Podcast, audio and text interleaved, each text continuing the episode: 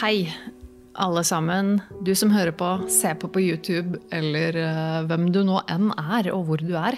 Velkommen uh, til en ny episode av Nerve. Uh, endelig er jeg tilbake her. nå Dette er jo litt uh, nye, spesielle tilstander. Vi får se hvordan dette her går. Det her, uh, hvis noen ser på dette her enten live eller i opptak, så ser det jo ut litt annerledes, uh, sikkert. For nå sitter jeg faktisk i stua og spiller inn dette um, i huset vårt i Vennesla. For jeg har flyttet, og har prøvd å rigge opp igjen ting her, men jeg har jo ikke noe kontor her enda. Så jeg sitter rett og slett i stua. Så jeg har fått rigget på plass da, på et lite bord her min, eh, min datamaskin og, og, mikrofon og opplegg. Så her sitter jeg nå og prøver å få til dette her. Eh, det er nok ganske det er nok ikke den beste lyden her inne i stua. Har ganske høyt under taket og stort rom som overhodet ikke er egnet for lydinnspilling, men det får nå så være. Får bare gjøre gjøre det, beste ut av det nå mens jeg sitter her, og så kommer det til å bli bedre etter hvert. Eh, jeg skal jo ikke sitte her i stua med, med utstyret mitt eh, permanent. Um, så, så, så, snart som mulig så blir det litt bedre tilstander på, på akkurat de tingene der. Men ja, jeg er endelig, endelig tilbake igjen i, i, i podkasten her. Eh, det er en god stund siden sist nå. Det har skjedd veldig store forandringer. Eh, og de fleste av dere som har fulgt med, har nå fått med seg at jeg har flyttet. Eh, jeg har jo flyttet da ut av denne Oslo-leiligheten og tilbake til huset vårt i Vennesla. Og det er jo alltid en Ja, hva skal man si? Det har vært alltid et prosjekt å flytte. Det, det, er jo en jobb, det. Eh, så jeg har jo brukt litt tid på å pakke og styre ordne. Og jeg er litt sånn lagd, som jeg har nevnt til, at jeg, hvis jeg først har Hvis vi har bestemt at et eller annet skal skje, så vil jeg helst at det skal bare skje med en gang. Jeg er litt sånn utålmodig, jeg vil gjerne få ting i gang, eh, få ting gjort. Så jeg, eh, vi fant ut at istedenfor å flytte ut i slutten av januar, som jo kontrakten vår gjelder til, så blir det rett og slett sånn at vi nå Eh, flyttet i desember, eh, før jul. Og da eh, ble det litt sånn å slenge seg rundt, og vi rekrutterte min far til å hjelpe oss litt. Han er god å ha når det gjelder sånne flytteoppdrag. Han har en, en romslig bil, og med tilhenger og sånn, så var ikke han vond å be. Han var, kom på, på, på dagen vi skulle flytte, og vi lassa alt som jeg hadde pakket av de to ukene i forveien opp på denne, dette lasteplanet, eller på denne tilhengeren, og inn i bilen, og litt inn i vår bil. Og så kjørte vi fra Oslo til Vennesla, og fikk faktisk med oss alt sammen på et lass. Som jo er veldig deilig. Eh, så alt sammen fikk vi med oss. Eh, vi lot et par ting stå igjen som var møbler som skulle selges. Nei, faktisk så hadde vi klart å få Vi klarte faktisk å selge unna alt av møbler i løpet av den helgen før vi flyttet, eh, med unntak av ett skrivebord som også nå er solgt. Så vi, det var over all forventning, egentlig, hvor fort det gikk å bli kvitt sånne møbler. Og det kan man jo aldri vite. Og alle dere som noen gang har prøvd å selge noe på Finn, dere vet jo at det er jo et lite helvete i seg selv. Så det er veldig deilig å ha det unnagjort. Og vi fikk da med oss eh, alt sammen eh, på et lass. Eh, min far, som er veldig glad i å kjøre bil, han hadde ikke noe imot å kjøre frem og tilbake på samme dag, så han hjalp oss med å lasse og kjørte ned med oss og hjalp oss med å lesse her. Og så dro han rett og slett bare rett hjem igjen. Eh, alle de timene det tar å kjøre tilbake igjen til, til Oslo. Um, og så er jo jeg også sånn at jeg eh, liker å pakke ut med en gang. sånn er jeg. Eh, det er sånn hvis vi er på ferie eller reiser bort en eller annen tid og kommer tilbake igjen og har med oss en koffert eller en bag eller et eller annet, jeg er sånn som begynner å rydde ut av den med en gang når jeg kommer hjem. Det, det, er det beste jeg vet. Det er å bare rydde alt på plass med en gang og bare føle at ah, da var alt på plass sånn som det skal være. Så jeg startet jo jobben med å rydde ting på plass her hjemme ganske kjapt. Eh, og må si jeg egentlig, må si jeg egentlig koser meg litt eh, med den jobben. Eh, veldig mye av det var jo liksom klær og, og ting som skulle i, i liksom bokhyller og småting her og der, og ting som skulle i garderoben og sånne ting. Og der var det ganske fullt, så det var jo en, det var jo en jobb, det. Å gå gjennom alt sammen og flytte litt rundt på ting og eh, ja, ta i bruk de små grå for å egentlig eh, tenke ut noen løsninger på hvordan vi kunne ordne alt sammen. Og så jeg, har jeg gått gjennom alle klærne mine og funnet ut at jeg skal gi bort eh, ganske mye av det.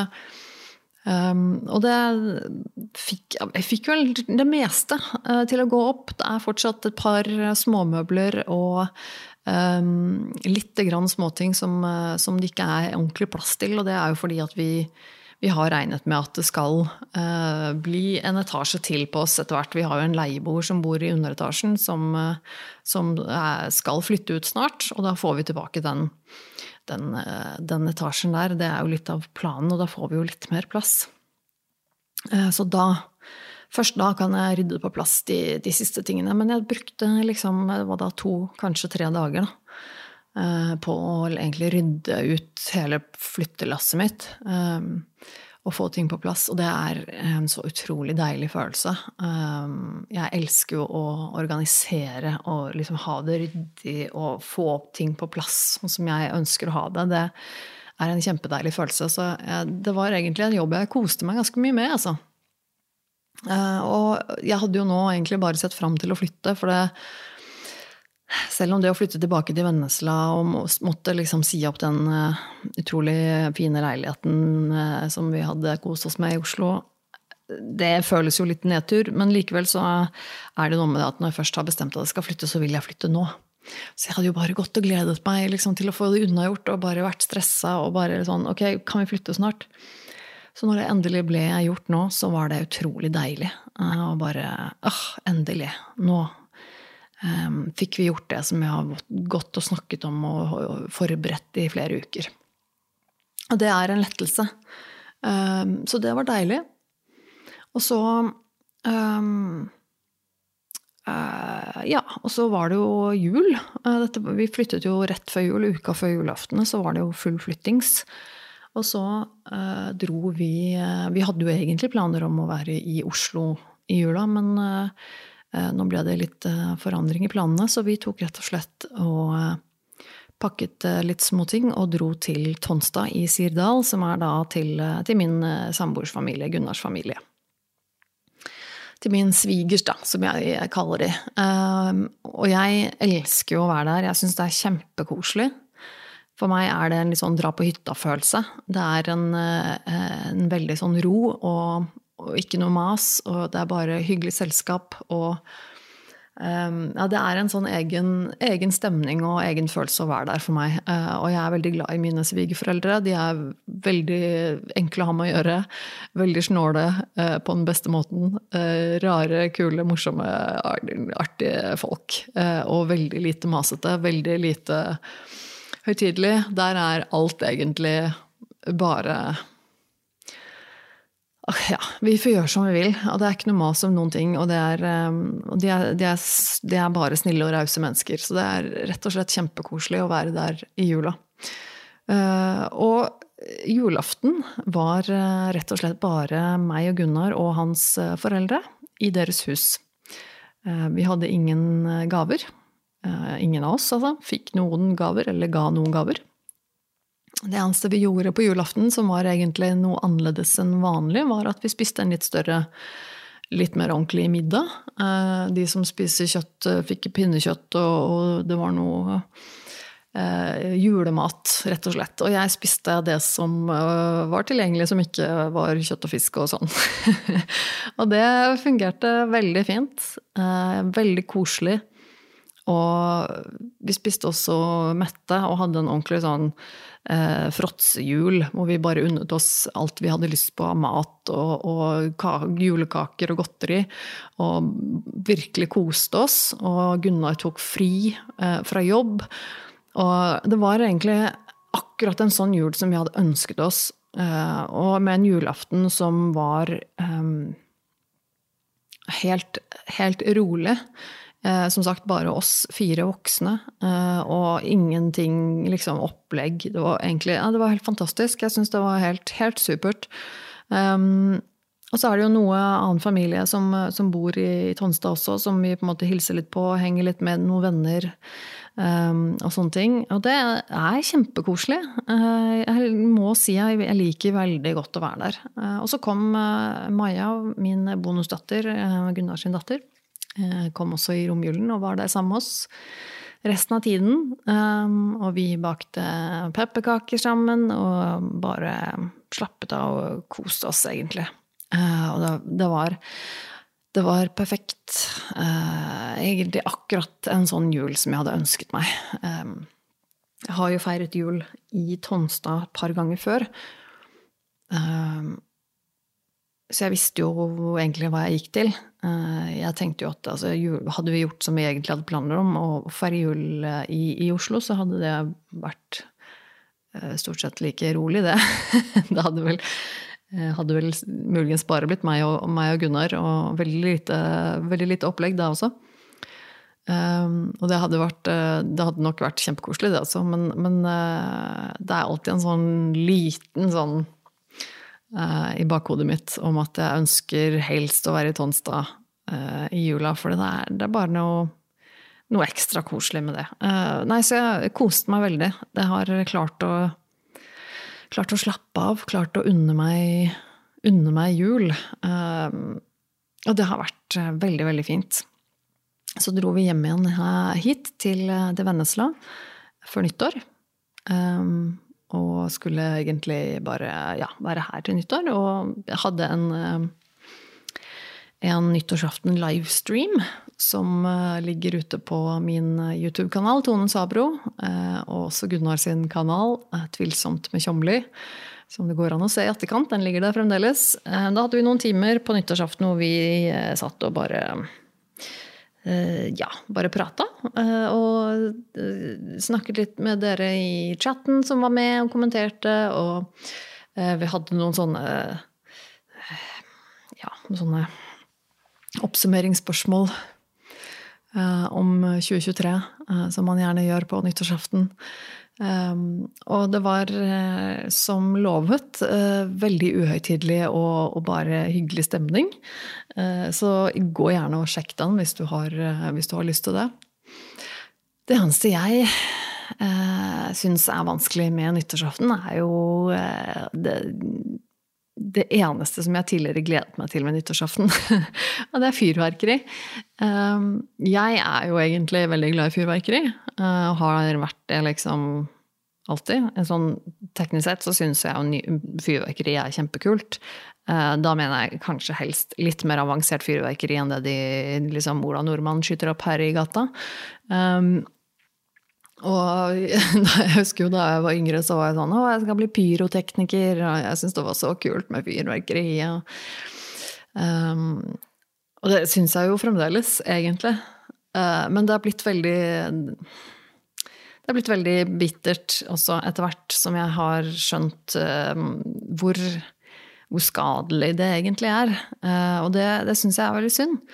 Det er jo noe med at det er Eh, farlig for oss mennesker. Det er jo hvert år veldig mange mennesker som blir skadet, eh, hardt skadet også, eh, av fyrverkeri. Og det er ikke minst også dyr som blir skadet eller drept, og, og ikke minst veldig, veldig, veldig redde. Og det gjelder jo også min lille hund. Jeg har jo en Yorkie som er sensitiv for høye lyder. Uh, hun er ikke så glad i støy, eller sånn støy går for så vidt greit, men sånn høye lyder og sånn, det uh, er hun litt var på. Ikke at det vanligvis er noe som gjør henne veldig angstete eller redd, men, men de fyrverkeriene, de, de, gjør henne redd. Og med en gang hun hører liksom ett fyrverkeri litt tidlig på kvelden eller på ettermiddagen, så er, det, er liksom stemningen satt resten av kvelden for hennes del. Og da er det Hun er på vakt konstant eh, med store øyne, klarer ikke å slappe av, sitter og skjelver og er redd. Eh, vil ikke være alene, begynner å pipe og, og, og, og gråte. Og det, det, er helt forferdelig for et sånt mammahjerte som jeg har. Eh, så det er, ikke, det, er ikke, det er ikke, gøy, eh, for å si det veldig pent. Det er, eh, og det, jeg kjenner at det påvirker meg, for jeg blir Jeg blir lei meg av det. Liksom. Jeg, jeg, blir lei meg av å se at hun har, har, er redd, da, og at ikke jeg kan gjøre noe med det. Um, og det er helt, jeg er helt bevisst på det at, at, at hun hun, som en hund, så er det jo sånn at man gjerne skal um, forholde seg rolig og sånne ting hvis det er noe som er skremmende. Altså ikke for å, fordi at hunden gjerne reagerer på din reaksjon hvis det er noe som er skummelt eller osv. Så videre, sånne ting. Uh, generelt sett. Og det er jeg også bevisst på, så det er jo ikke noe sånn at jeg uh, at jeg blir annerledes i oppførselen min, og vi gjør jo alt for å holde ting så normalt som mulig. men men hun er rett og slett bare redd for den lyden. Og det får jeg jo ikke gjort noe med. Det er egentlig ingen sted i huset hvor det ikke går an å høre de. Eh, vi fant etter hvert et, eh, et lite hjørne inni, eh, inni bakrommet på det ene soverommet. Vi rygga til henne, for henne litt der. Der fikk hun senga si, og, og en periode så lå hun i senga vår sammen med meg. Og da kan jeg ligge og stryke litt på henne og ha det på TV-en der, så jeg kunne late som ingenting mens hun lå inntil meg og skalv. Stakkar. Um, men det er um, Og det er sånn jeg nå har i, i, voksen alder, og etter at jeg da fikk Kyla, så er det på en måte noe jeg har kjent på veldig. Uh, dette med fyrverkeri. At jeg syns ikke det er greit. Uh, og jeg, jeg syns det er veldig rart også at uh, fyrverkeri fortsatt er lov. og med tanke på hvor mange mennesker som blir skada ehm, og holder på å styre med dette her, så syns jeg jo det er rart at eh, sivilister får lov til å bare gå og kjøpe og skyte opp så mye de vil. Eh, jeg syns jo ikke det egentlig er greit. Eh, og da tenker jeg at det fins, da nå, nå er vi i 2024 faktisk, da fins da bedre alternativer. Som, eh, som, kan eh, utvikles fra elektronikk, som jeg tenker at det, det, må være noe å investere i. Eh, da på kommunalt nivå. Og så får folk heller sørge for at de får det med seg. At hvis noen vil se feiringen, at noen vil ha noe fint å se på på klokken tolv på nyttårsaften, som jeg kan forstå den tradisjonen der, så, så, så kan man få med seg det.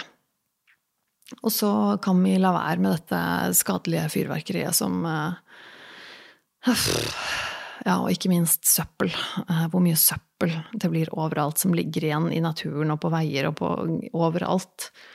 Etter folk som ikke rydder opp etter seg, eller som bare skyter i huet og piner disse rakettene. Og jeg syns det er en uting. Jeg syns rett og slett det er en uting. Eh, så får vi jo se eh, det, hvor lenge det er lovlig. Jeg tenker jo at det går litt den veien at det kanskje nok ikke blir lov etter hvert det er jo ganske mange som begynner å uh, ytre meninger om, uh, om, fyrverkeri. Så vi får se. Men, det, så det var litt det, Akkurat den var litt slitsom. Vi måtte passe veldig på Kaila. Nå gikk det for så, vidt, greit faktisk under livestreamen vår.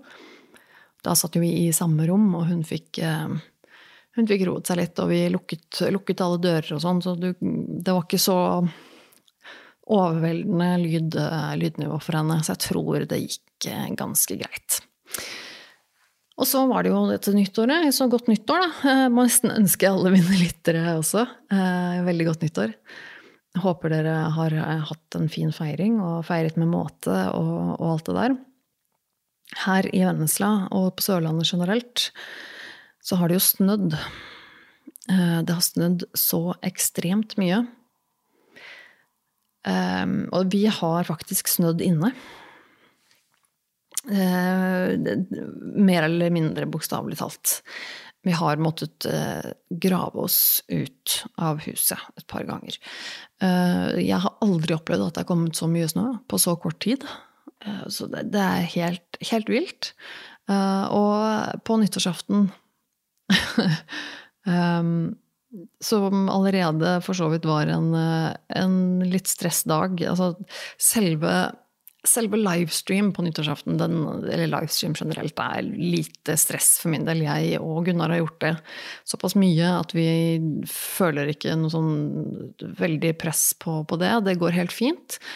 Um, det er ikke alltid vi føler at vi klarer å få til noe bra underholdning, eller at det blir veldig spennende, men, men akkurat det er liksom Det går som regel greit. Um, det er litt slitsomt, det er det. Um, ofte hvis det er um, Vi holder på i lang tid, eller hvis jeg som den dagen har hatt en slitsom dag, så kan det jo hende at det, det er, kan bli litt slitsomt, eller det er ikke akkurat det jeg har mest lyst til å gjøre den dagen. Og det merka jeg på nyttårsaften.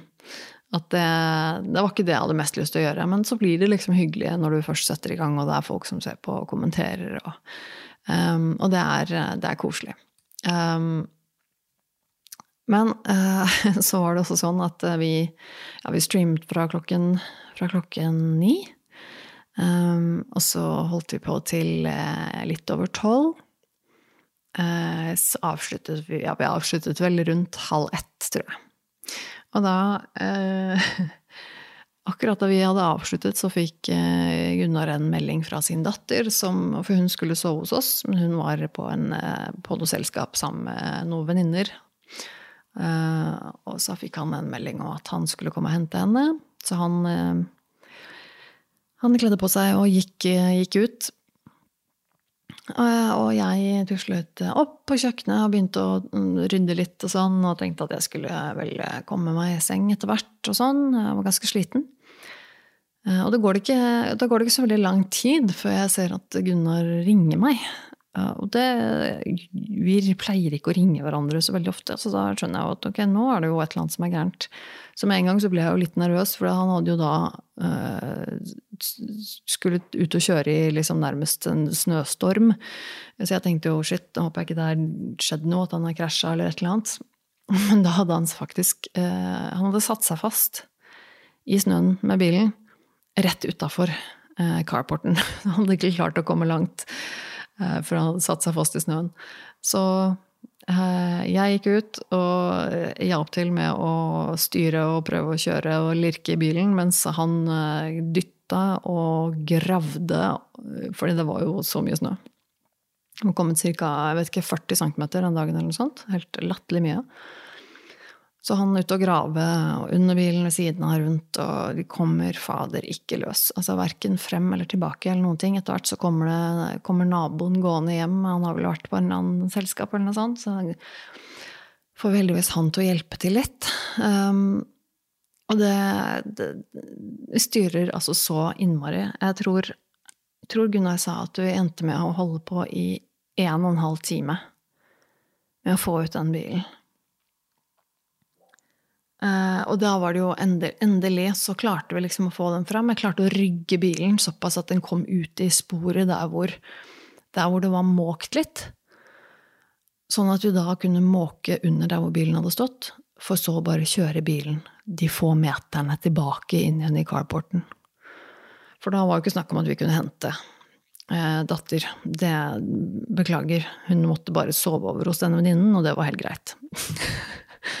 Så ja da, det var litt av, litt av et eh, styr på kvelden der. Eh, ikke akkurat den kuleste dagen, den nyttårsaften der. Det ble rett og slett eh, ganske mye eh, slitt. Men jeg, tror, jeg tror jeg, når jeg kom inn igjen da, så var vel klokka nærmere to. Da kunne jeg endelig gå i seng. Og da hadde jo Kyla, vår hund, igjen måttet være alene inne eh, mens jeg var ute og hjalp til med den bilen. Så hun, stakkars, hadde jo stått inne og allerede vært ganske nervøs. Og så forsvinner jeg og Gunnar, så hun blir helt alene. Og hun øh, ble jeg kjemperedd og fikk masse øh, separasjonsangst og sto i gangen og skrek. Og det er liksom Det er ikke en overdrivelse engang, altså når jeg sier det, for det er en sånn, det er en skrikebjeffing som er helt forferdelig hjerteknusende. Jeg hørte, jeg hørte det da jeg kom gående opp, opp trappa utafor huset. Det var en sånn, litt sånn lang trapp som går opp til inngangsdøra. Og jeg hørte henne inne. Hun sto der og skrek og skrek og skrek. Og der hadde hun jo stått da hele tiden sant, mens vi var ute. Um, og det bare knuser hjertet mitt. Jeg syns det er helt forferdelig. Det har vært eh, rett og slett en ganske tøff dag for henne, stakkar. Um, først med fyrverkerier, og så bli forlatt etterpå. Og hun har ikke vært helt seg selv etter det. Og i tillegg til det, rett før så var det jo flytting og sånne ting, som også gjør uh, en hund eller et dyr kan jo fort bli ganske stressa av sånne ting. Og hun er en hund som blir litt stressa av det. Når det er store forandringer og pakking og sånne ting, så, så blir hun stressa. Så hun har ikke vært helt seg selv eh, de siste dagene, stakkar. Hun, hun, trenger nok å komme seg litt etter det. Hun har, litt, eh, hun har vært litt, eh, litt, nervøs og litt, litt engstelig. Så det, det, merker jeg at det har preget henne. Og det er litt sånn som preger meg òg. Jeg blir jo litt sånn jeg får litt vondt i meg når jeg vet at hun ikke har det 100% Så, så det har vært det har vært litt, eh, litt utfordrende, men det går nok, går nok, bra etter hvert. Eh, jeg tror nok dette med at det er kommet så innmari mye snø også, er, er uvant for henne, for Kyla. For hun, hun er litt som sin mor. Jeg liker ikke å gå tur når det er masse kaldt og snø og dårlig vær og regn og sånn. Noe som passer meg utmerket, for jeg, jeg, jeg, er jo ikke så glad i å gå tur da. Um, og hvis hun ikke er så keen på det heller, så er det helt greit. Da blir vi heller hjemme. Um, men det er, jo, det er jo kommet så mye snø rundt oss at vi på en måte ikke kan gå noe særlig tur. Og det har vært helt storm. Det har vært altså så mye Uh, og det har vært så sterke vindkast, og alt mulig, så det har på en måte ikke vært aktuelt å gå tur egentlig heller. Vi har liksom bare så vidt gått utafor døra for at du skal kunne gjøre sitt fornødne, og så må vi bare gå inn igjen. Um, så det, det, er litt spesielle tilstander. Uh, og som sagt, jeg har aldri vært vitne til så mye snø på så kort tid. Um, det, er, um, det er helt ekstremt. Uh, og skoler har vært stengt, og folk har vært anbefalt å ikke kjøre og ta hjemmekontor og sånne ting. Og det har vært eh, det er helt ekstremt, rett og slett. Eh, så her er vi ganske, ganske innesnødd. Det er litt bedre i dag. Nå har det vært eh, nesten opphold i dag. Nesten hele dagen. Kommet veldig lite snø i dag. Så den utgravningen vi gjorde i går, den har holdt seg til i dag. Så vi slapp å grave oss ut av, av huset i dag, heldigvis. Um, men eh, så i dag, endelig, fikk vi tatt oss en tur ut. Det var eh, deilig å kunne faktisk eh, sette oss i bilen og kjøre en tur. Og liksom føle at du ikke er Ja, altså du kom At du kom litt utafor hjemmet. Det var utrolig deilig. Så vi tok en tur ut på, på Sørlandssenteret. Eller på, i Sørlandsparken. Det var en sånn industriområde her på, ved Kristiansand som har et sånt Eh, kjempestore anlegg med alle mulige slags eh, megastores og liksom butikker og kjøpesenter og sånne ting. Og der uh, fikk jeg nå kjøpt meg et nytt, nytt tastatur, uh, en uh, ny mus. for jeg har, holdt jeg på å si, gått på en liten smell. Det er ikke helt Jeg vil ikke gå så langt som å si det, men jeg har rett og slett butet opp Vov hvis eh, noen tar den referansen der. For dere som ikke skjønner hva jeg snakker om, eh, så har jeg faktisk etter mange, mange år logget inn igjen i et spill som heter World of Warcraft. Og det er mange år siden jeg har spilt. Um, det er, eh, og det har skjedd ting der, så nå har jeg mye å sette meg inn i. Og det er mye, som er, mye annerledes som har skjedd der, og sånn. Men, men det er en ting jeg har tenkt på litt sånn i det siste, uh, siste året, kanskje to åra, at jeg, liksom, å, jeg savner litt av det der. Uh, og så har jeg vært litt redd for å gjøre det, for jeg tenker sånn, nei, jeg har ikke lyst til å bli helt hekta på det, og så sitter jeg og holder på med det istedenfor å gjøre andre ting. Så kanskje jeg bare blir sittende og spille istedenfor å lage podkast og istedenfor å lage videoer og alt mulig. jeg tror ikke det kommer til å skje.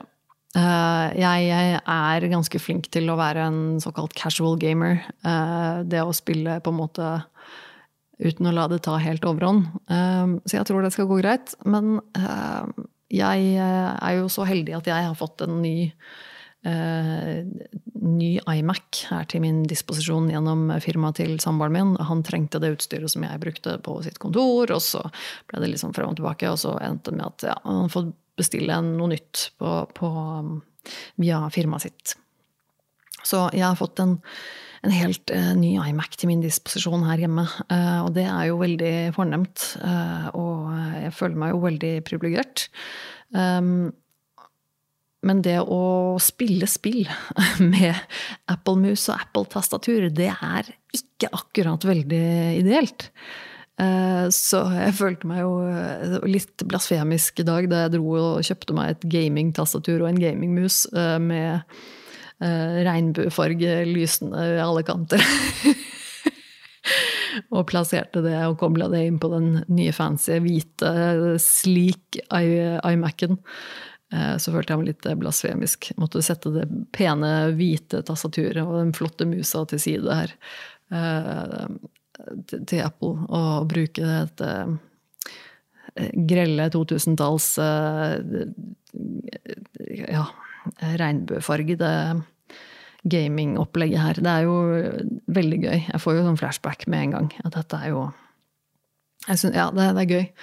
Det gir meg litt glede. Eh, og jeg fant noe som ikke var så dyrt, så jeg vet at ja, ja. Men jeg, selv om det ikke blir Hvis jeg finner ut at jeg ikke orker å spille så mye heller, så er det ikke alt mulig med penger jeg har investert i dette utstyret. Så eh, en liten glede i hverdagen, eh, det må jeg si. Det har ja, det har vært fint. Eh, og jeg tror foreløpig eh, at jeg har det ganske bra. Nå er det jo litt sånn rart med, med medisiner som jeg driver og, og, og trapper ned på. Sånn. Jeg husker ikke hvor mye jeg har snakket om det i podkasten ennå. Men jeg går på antidepressiva medisiner som jeg har gått på i fire år. Og nå er jeg eh, nå er jeg snart ferdig med å trappe ned og helt, helt av de medisinene. Som jo er litt, litt sånn big deal. Det føles, jo, det føles, jo, ganske big deal, det gjør det. Um, og jeg er jo alltid litt sånn redd og litt sånn ja, spent, da. På hvordan det blir. Um, kommer jeg til å merke noen forskjell, og i så fall hvordan? Uh, kommer, å, kommer, det til å gå bra? Kommer det til å bli dårlig? Uh, jeg vet jo ikke. Det er jo det er, det er mange år siden jeg ikke har vært på medisiner. og det er ganske mye som har skjedd på de årene. Um, jeg har blitt flinkere til eh, ganske mye sånn mentalt da, i løpet av de årene, så jeg tenker at jeg nok er litt bedre rustet nå til å klare meg uten de medisinene. Foreløpig så tror jeg det går ganske bra. Men jeg, jeg tenker jo at det er litt sånn vanskelig å kjenne på også, for det er så mye som har skjedd nå. Det er så mye forandringer. Um,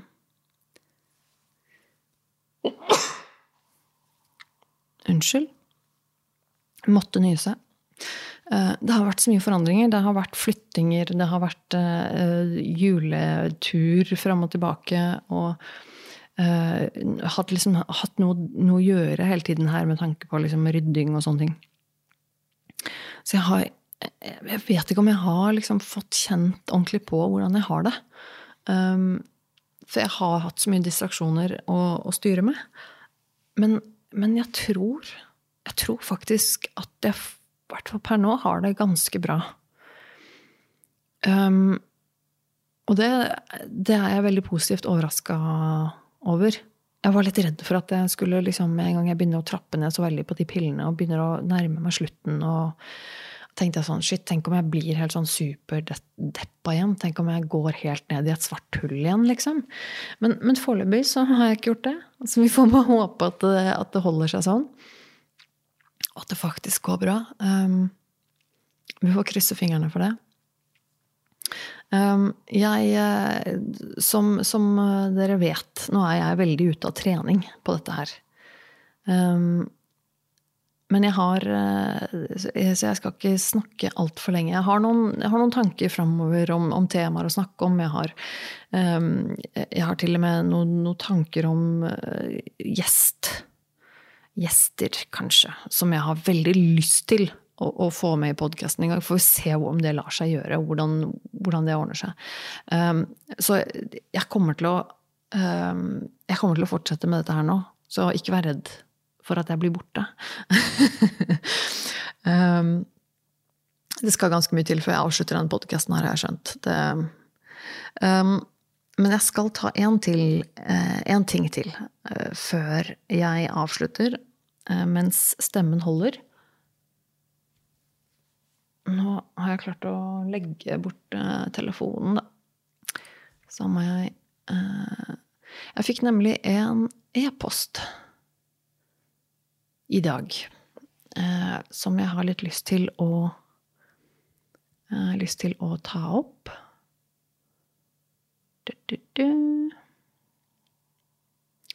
Et øyeblikk her, så må jeg bare logge meg inn på riktig sted. Her, nemlig. Jeg fikk en en lang mail fra en lytter. Og det syns jeg er veldig spennende. Så igjen, eh, hvis du har noe å komme med, noen tanker, eh, innspill, spørsmål, et eller annet til meg, enten om du vil at det skal være mulig for meg å ta det opp her i podkasten, eller bare privat, så er det helt, helt kult om du vil det uansett. Og da sender du til nerve med at gmail.com. Da er det bare jeg som leser det, ikke noe assistent eller noe som helst sånn som har tilgang. Det er bare meg. Så send, send meg gjerne det. Syns det er kjempegøy å høre fra dere. Men her fikk jeg en, en, mail i dag fra en lytter, og vedkommende ønsker da å være anonym. Og det er, det, det er jo det jeg pleier å gjøre her også. Og det, det skal vi fortsette med. Skal vi se. Jeg hadde egentlig tenkt til å markere litt her, men jeg skal nå lese. Hei, Tone.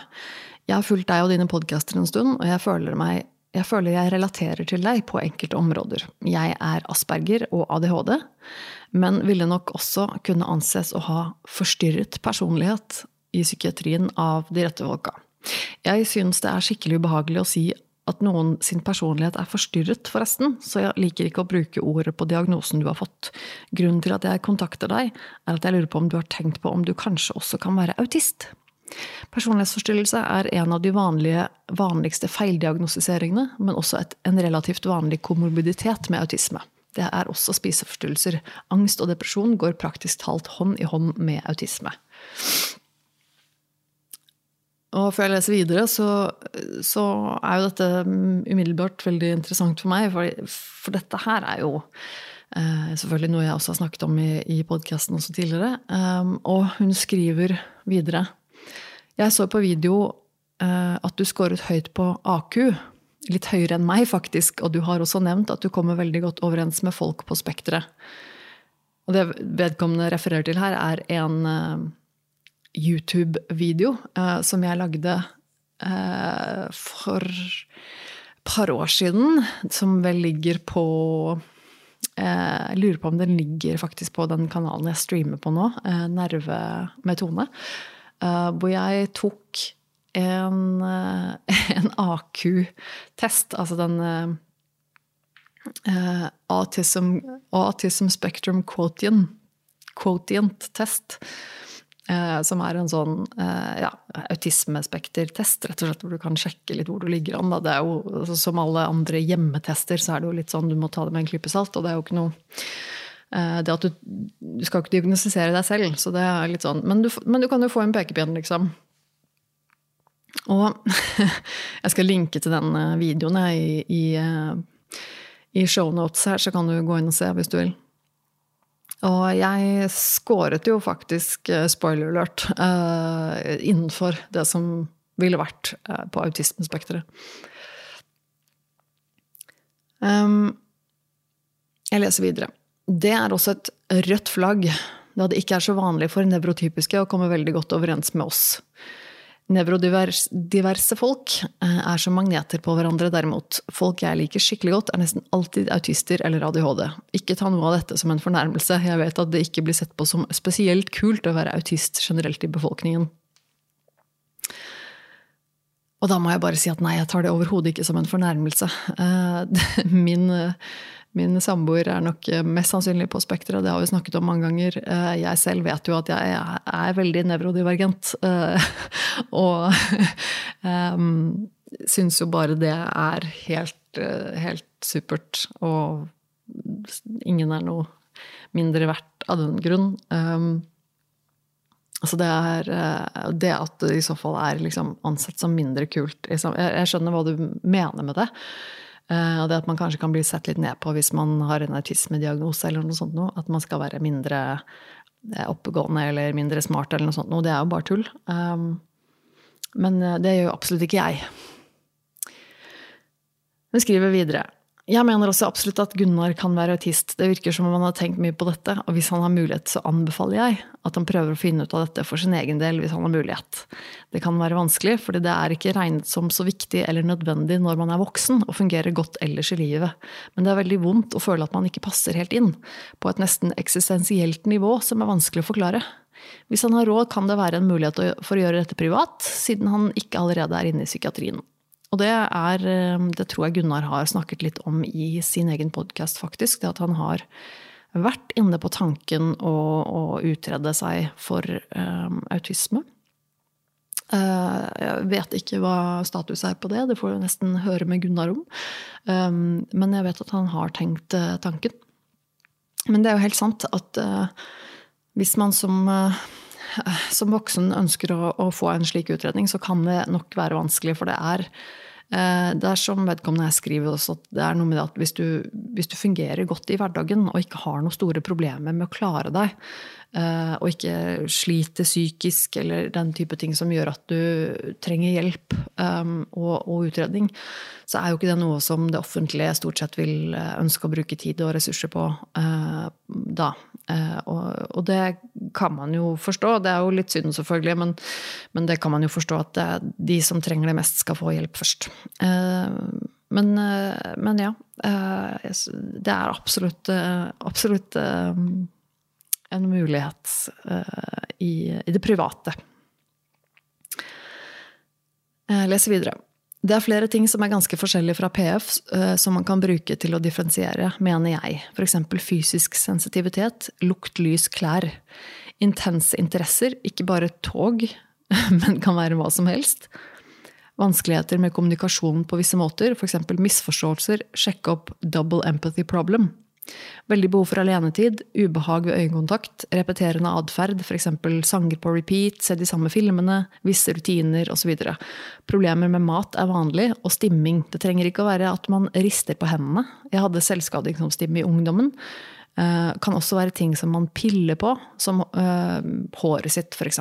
Voksne gjør ofte andre ting enn barn. Du bør også lese om masking, spesielt vanlig hos jenter. Her finnes det masse på YouTube uh, fra Jenter på Spekteret om dette temaet. På en måte at man etterligner normal atferd og skjuler autistiske trekk på forskjellige måter.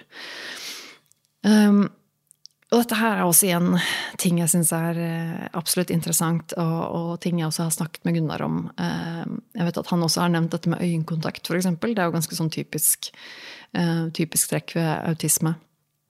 Dette Man syns at øyekontakt kan være ubehagelig. Um, og jeg har nok um, uh, ja, Jeg skal komme litt tilbake til det her egentlig på slutten, dette med de symptomene. Eller så videre. Autisme er et spekter. Høytfungerende og lavtfungerende er litt unyansert, unyansert, for hver av oss kan slite med ganske forskjellige ting innenfor dette spekteret.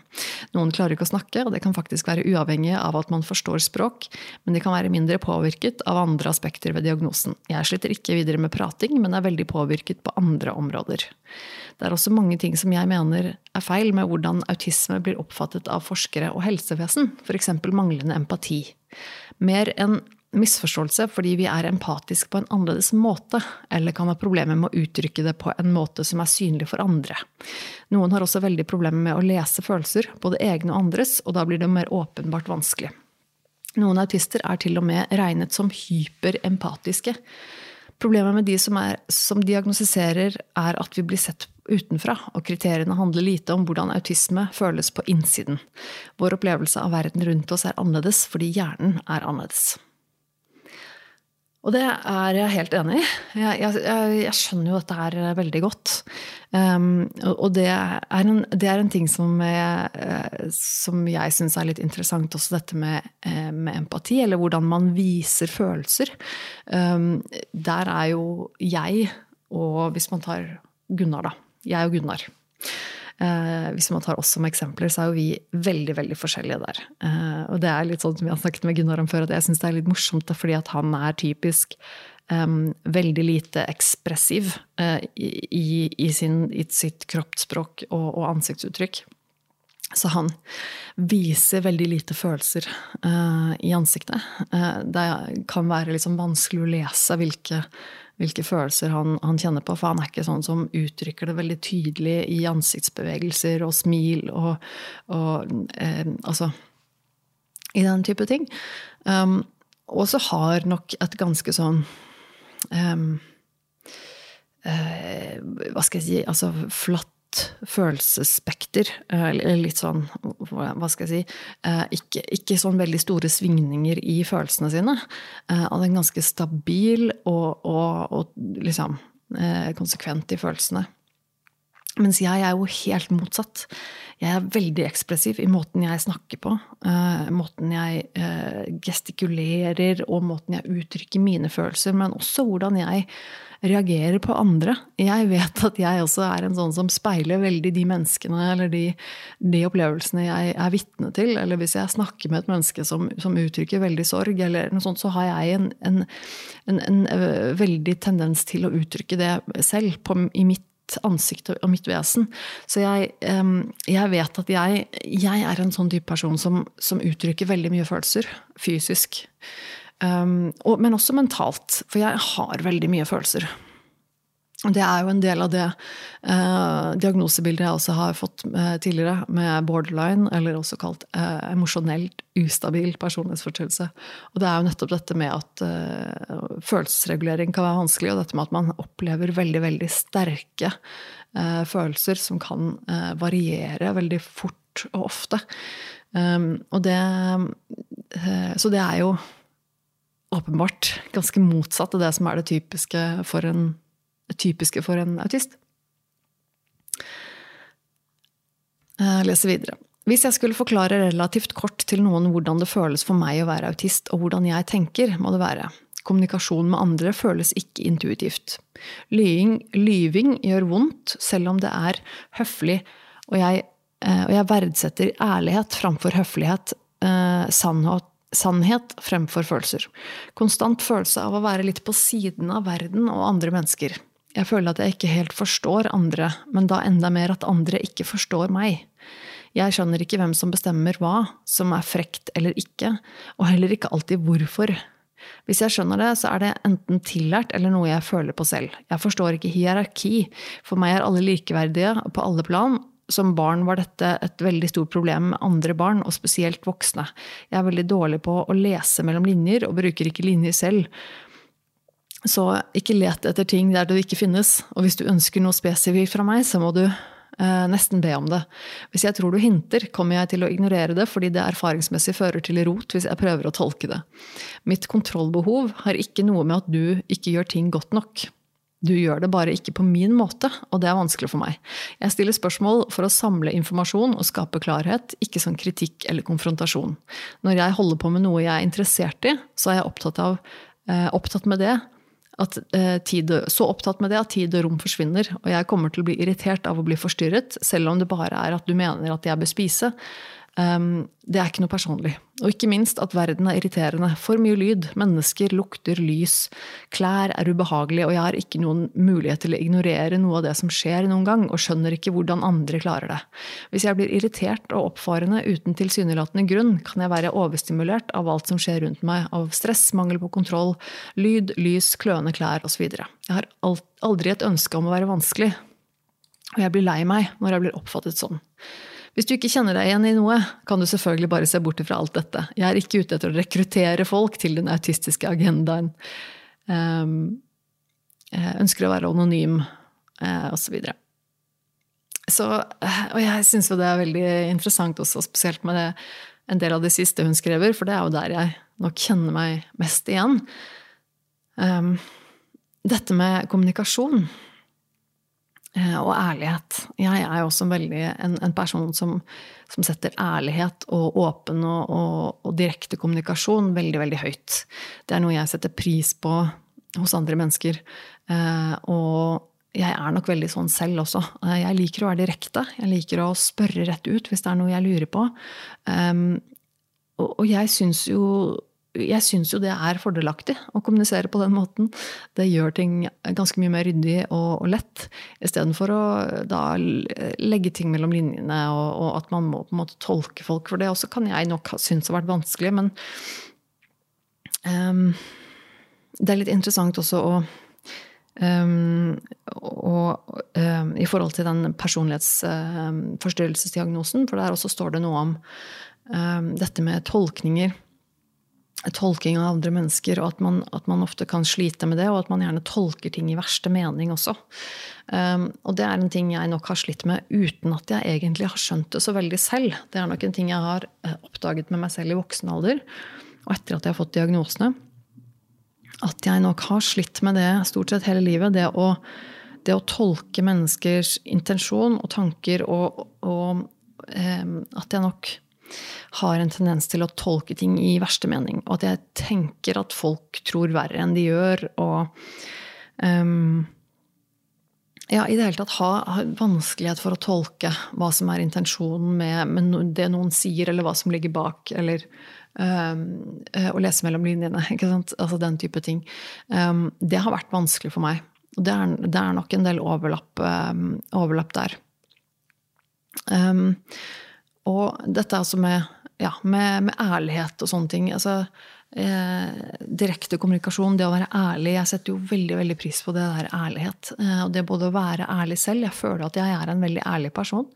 Eh, men også det å, å, få det fra andre mennesker er noe jeg setter veldig høyt, og jeg har en tendens til å eh, nok eh, ikke like så godt de menneskene som ikke er sånn.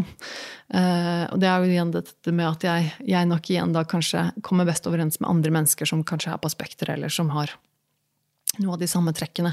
Dette med direkte kommunikasjon, dette med å være ærlig, dette med å sette pris på det at man kan være ærlig, selv om det ikke er alltid så selv om det ikke er alltid bare en utelukkende positiv ting, så er det liksom likevel verdsett for meg å være ærlig.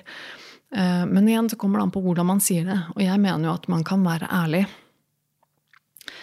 Um, man kan være ærlig om negative ting uten å gjøre det nødvendigvis til noe ekstremt negativt. Uh, eller uten å gjøre det på en kjip måte.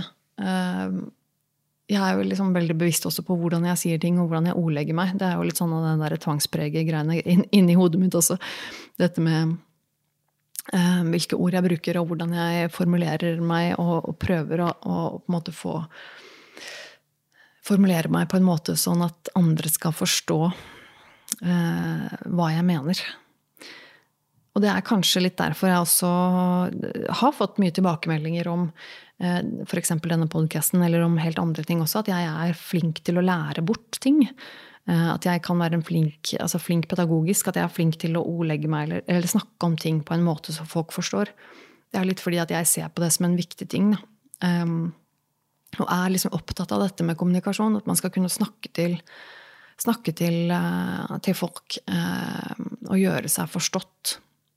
Um, og helst bare være så ærlig som mulig. Um, jeg, jeg syns jo generelt at du gjør ting enklere for deg selv og andre hvis du er ærlig. Um, og det er altså litt sånn som treffer meg, der, det, det vedkommende skriver her med ja, Lyving gjør vondt, selv om det er høflig. Altså i gåseøynene. Uh, jeg verdsetter ærlighet framfor høflighet, sannhet framfor følelser. Uh, og jeg er veldig enig i det. Uh, jeg forstår også at, at, det er en sånn ting som kan gjøre at um, at man ikke blir likt. Fordi det har noe med hvordan man, uh, hvordan man leverer en beskjed. Da. Hvordan man ordlegger seg, hvordan man kommuniserer. Fordi at Det er klart det kan høres fint ut i overflaten, det å bare være ærlig. Men, men det er klart at hvis du, hvis du istedenfor å lyve, eller istedenfor liksom å, å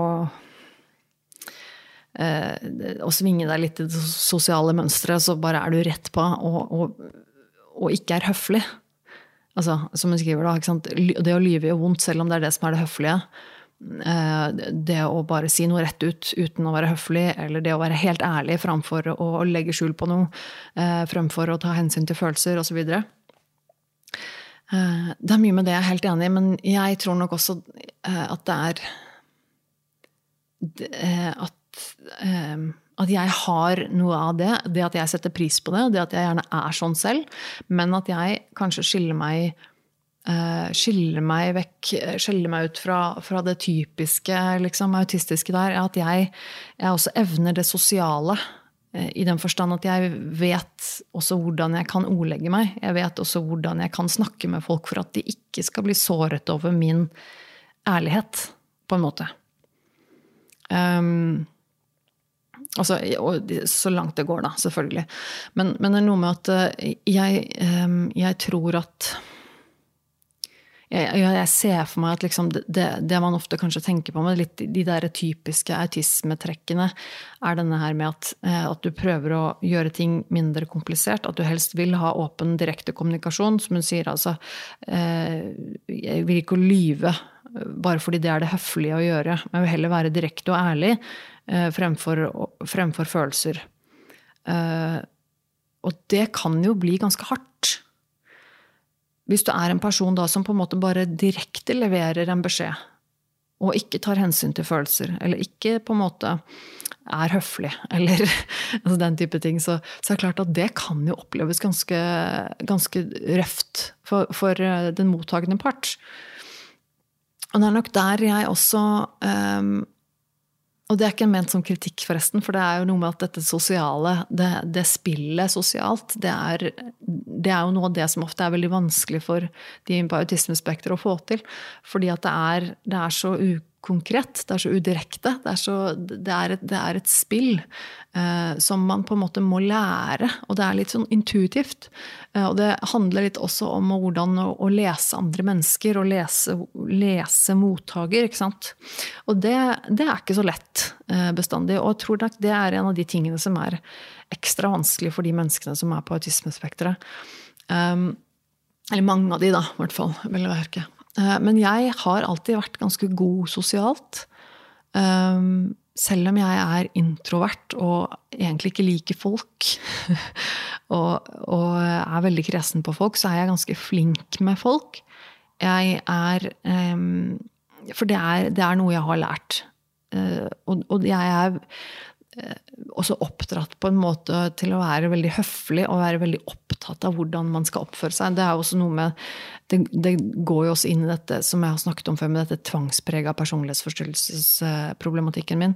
Eh, dette med at, man, at, jeg er At det er liksom programmert i meg, dette med um, um, sosiale konvensjoner eh, og sosiale regler og, og, hvordan man skal si og ikke si ting, og hvordan man skal gjøre og ikke gjøre og alt det der. Det er noe som ligger ganske hardt programmert i meg. Og det er så den, den biten er nok det som hjelper meg med at jeg da kan være liksom eh, ærlig eh, og direkte. Men fortsatt på en måte kunne kommunisere med folk eh, på en litt avvæpnende måte likevel. At jeg kanskje ikke virker så eh, virker så autistisk, da, i gåseøynene. Uten at jeg skal jeg vet, Teit måte å si det på, for jeg mener ikke det som, som å si det som kritikk. Men um, um, men jeg ser for meg at det, at det er kanskje sånn for, for mann i gata, så er det nok kanskje mye av det de fleste tenker på når du snakker om en person på autismespekter eller en, en, en, autist, så er det på en måte da eh, kanskje de type tingene som kommer eh, frem mest. Um, dette med liksom at man um, ikke har sosiale antenner, da, på en måte. Um, og, jeg, tror, jeg, tror, selv uh, at jeg har ganske gode sosiale antenner, til tross for at jeg også har en del av disse autismegreiene. Um, men, uh, men, igjen, jeg har nok uh, Og det er altså sånn jeg har tenkt sånn Men dette med um, Så er det dette med stimuli, um, som også er litt interessant.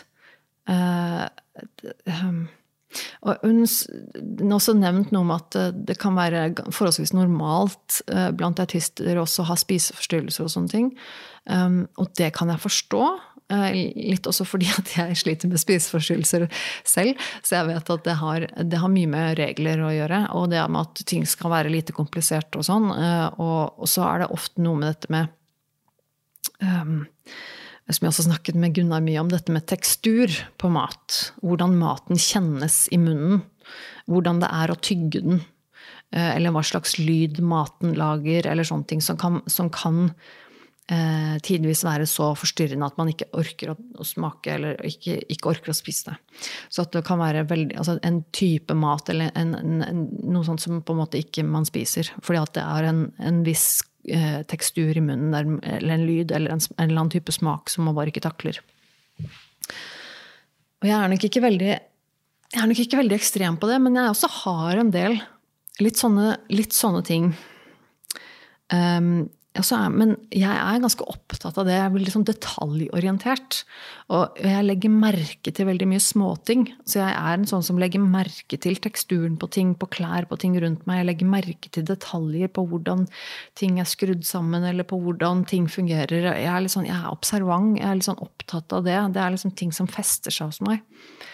Um, men jeg har, jeg har, nok ingen sånne, sånne ting som eh, Som jeg også har hørt før, som denne personen også skriver, dette med at klær er ubehagelig på. At man liksom syns at det er ubehagelig å ha, ha stoff inntil huden og, eh, og sånn. Eh, det er generelt veldig lite problem for meg.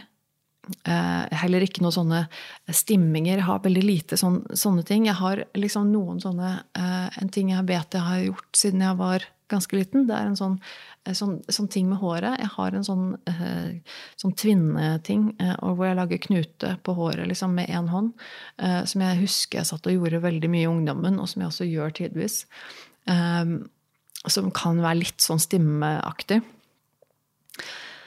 Eh, men, men, den, men, ikke noe sånn unormalt mye, og ikke noe sånn veldig sånn Uh, og ikke noe sånn OCD-aktige ting heller. Ikke noe sånn at jeg må gjøre ting uh, på den og den uh, så og så mange ganger og sånn. Men jeg er jo kjempekontrollfrik. Eh, veldig veldig kontrollfrik. Jeg liker jo å gjøre ting på min måte. Og jeg har jo fortalt dette, om det i podkasten at det var sånne ting som jeg sleit litt med i begynnelsen av forholdet eh, mitt med Gunnar. At når han skulle vaske kjøkkenet, eksempel, så klarte ikke jeg å se på. For at han gjorde ting på en annen måte enn det jeg gjorde, og det fikk jeg så angst av å se på. At måten han bare, bare måten han tørket av kjøkkenbenken, eksempel, var sånn at jeg bare, det, det, gjorde så vondt i hodet mitt av angst at jeg, jeg kunne ikke se på det. For, det, og det er sånn, for at jeg har en måte å gjøre det på. og det det er ikke fordi at han gjør det nødvendigvis på feil måte, eller det han gjør er helt ubrukelig, eller sånn, men det er sånn, sånn gjennomgående ting hos meg at jeg har, jeg har, kontroll, jeg har et kontrollbehov. I tillegg så syns jeg det er Så har jeg på en måte en jeg, har en jeg har en grunn for måten jeg gjør ting på. Jeg har liksom en jeg har planlagt det meste av det jeg gjør. Eh, og jeg har en tanke bak måten jeg gjør ting på, eh, som er ganske sånn kontrollert og ganske tvangspreget til tider. Eh, på både godt og vondt. Uh, det er det. Uh, så det kjente jeg meg litt igjen i uh, i, i, denne teksten. Men også, også jeg, vet jeg er sensitiv for lyd. lyd og støy. Det er sånne ting som jeg ikke takler så godt. Det å være i en stor folkemengde hvor det er mye støy, f.eks. det å gå ut på byen, gå på en restaurant, sånne type ting, hvor det er støyende, det syns jeg er fryktelig slitsomt. det er bare sånn prating og støy. Um, trenger ikke å være kjempemye folk engang, men bare sånn, det er akkurat så mange at det, at det liksom uh, Det syns jeg er forferdelig.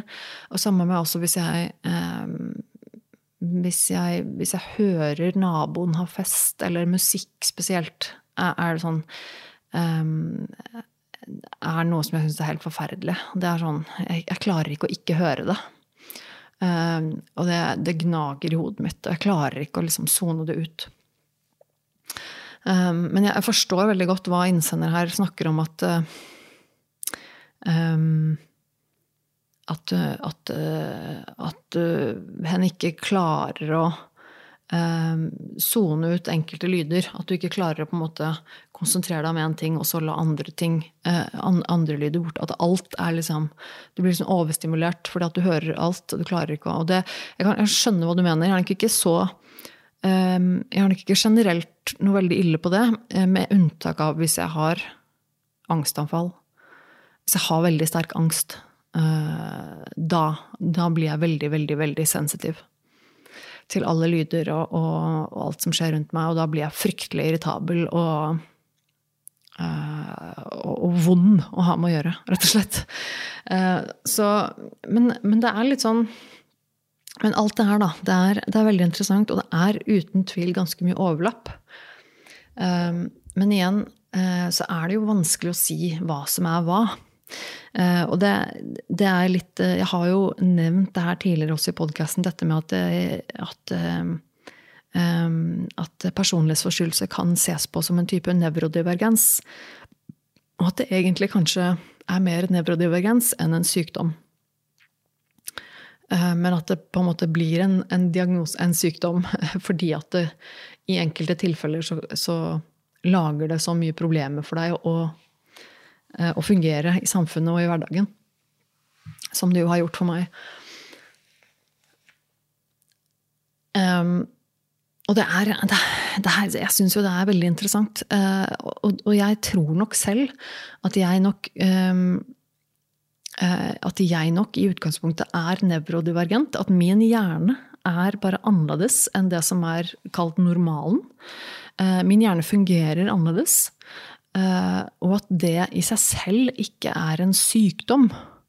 Men at de symptomene, at, at, de tingene i min hjerne som har fungert annerledes, det har lagd problemer for meg i samfunnet som vi lever i, i den oppveksten som jeg har hatt, i det livet som jeg har levd, så har det eh, gjort, eh, gjort, at jeg har fått mye problemer med meg selv og folk rundt meg.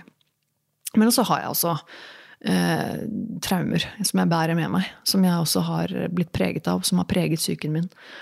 Så det er, eh, så det er ikke noe tvil om at jeg inngår i den eh, kategorien som på en måte er, er sykdom. At, at mitt, mitt, symptombilde også er et sykdomsbilde.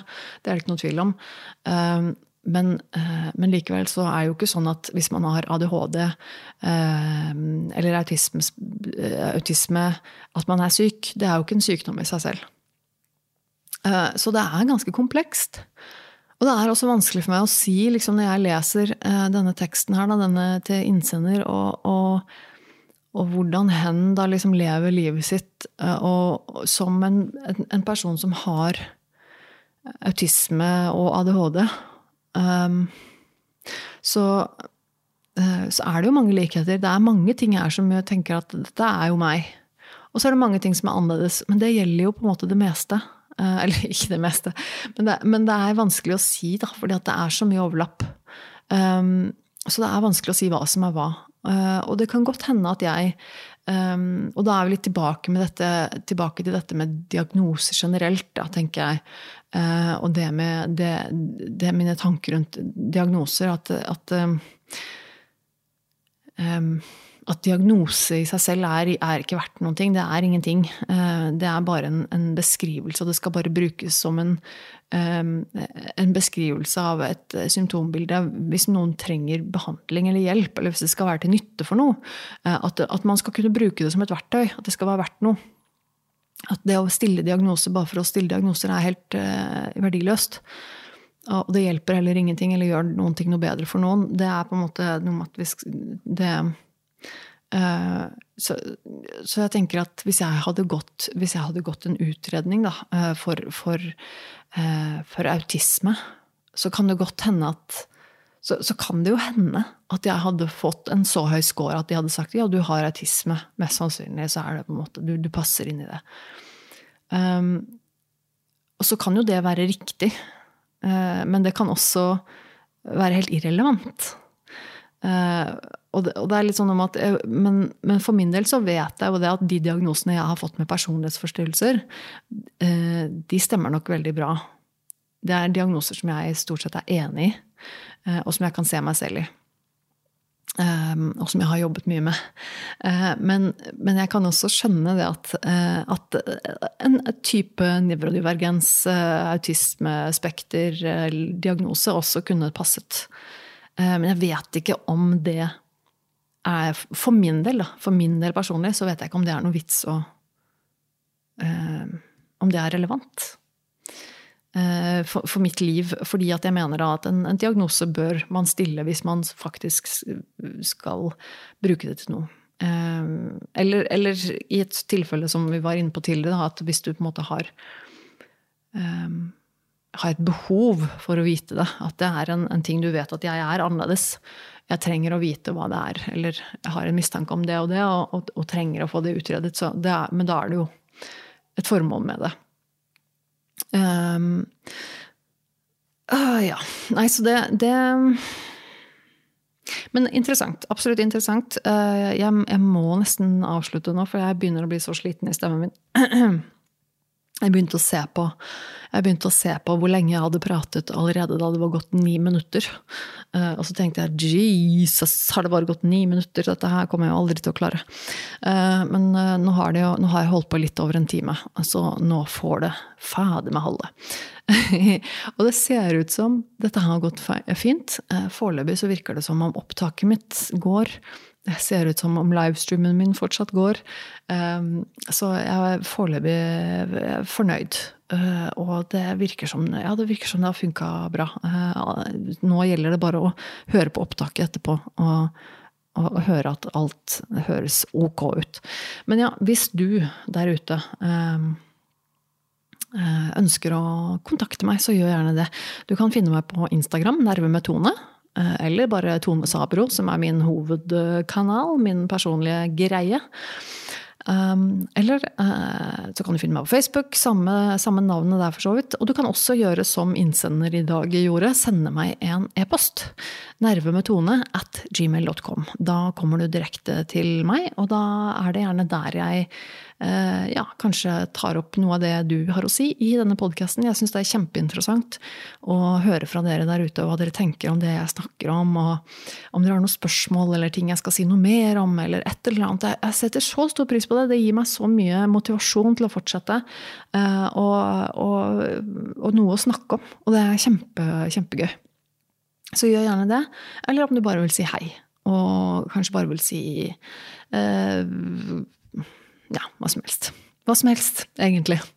Men uh, uansett, tusen hjertelig takk til deg som ser på på YouTube, for det kan du gjøre. Jeg spiller inn dette live, uh, men det blir også liggende på YouTube på Nerve med Tone. Uh, jeg har også en egen YouTube-kanal for de andre tingene jeg driver med. Tatoveringer, litt reise, litt vlogging og litt personlige ting. Sånne ting. Gå inn på YouTube, så søker du på Tone Sabro eller Nerve med Tone, så finner du alt dette. Jeg setter veldig stor pris på dere som abonnerer og, og hjelper meg ut med det. Eh, hjelpe meg ut. Help me out. Da kom den engelsken, vet du. Ehm, det som hjelper meg med det. For eh, det hjelper faktisk å, å ha eh, abonnenter. Og få litt følgere og seere og sånne ting. Så tusen, tusen takk. Det er alt jeg skal si til nå. Og så regner jeg med at vi høres igjen om en ukes tid. Um, så håper jeg dette opptaket her var godt nok for ørene dine. Um, igjen, uh, tusen takk. Uh, vi høres.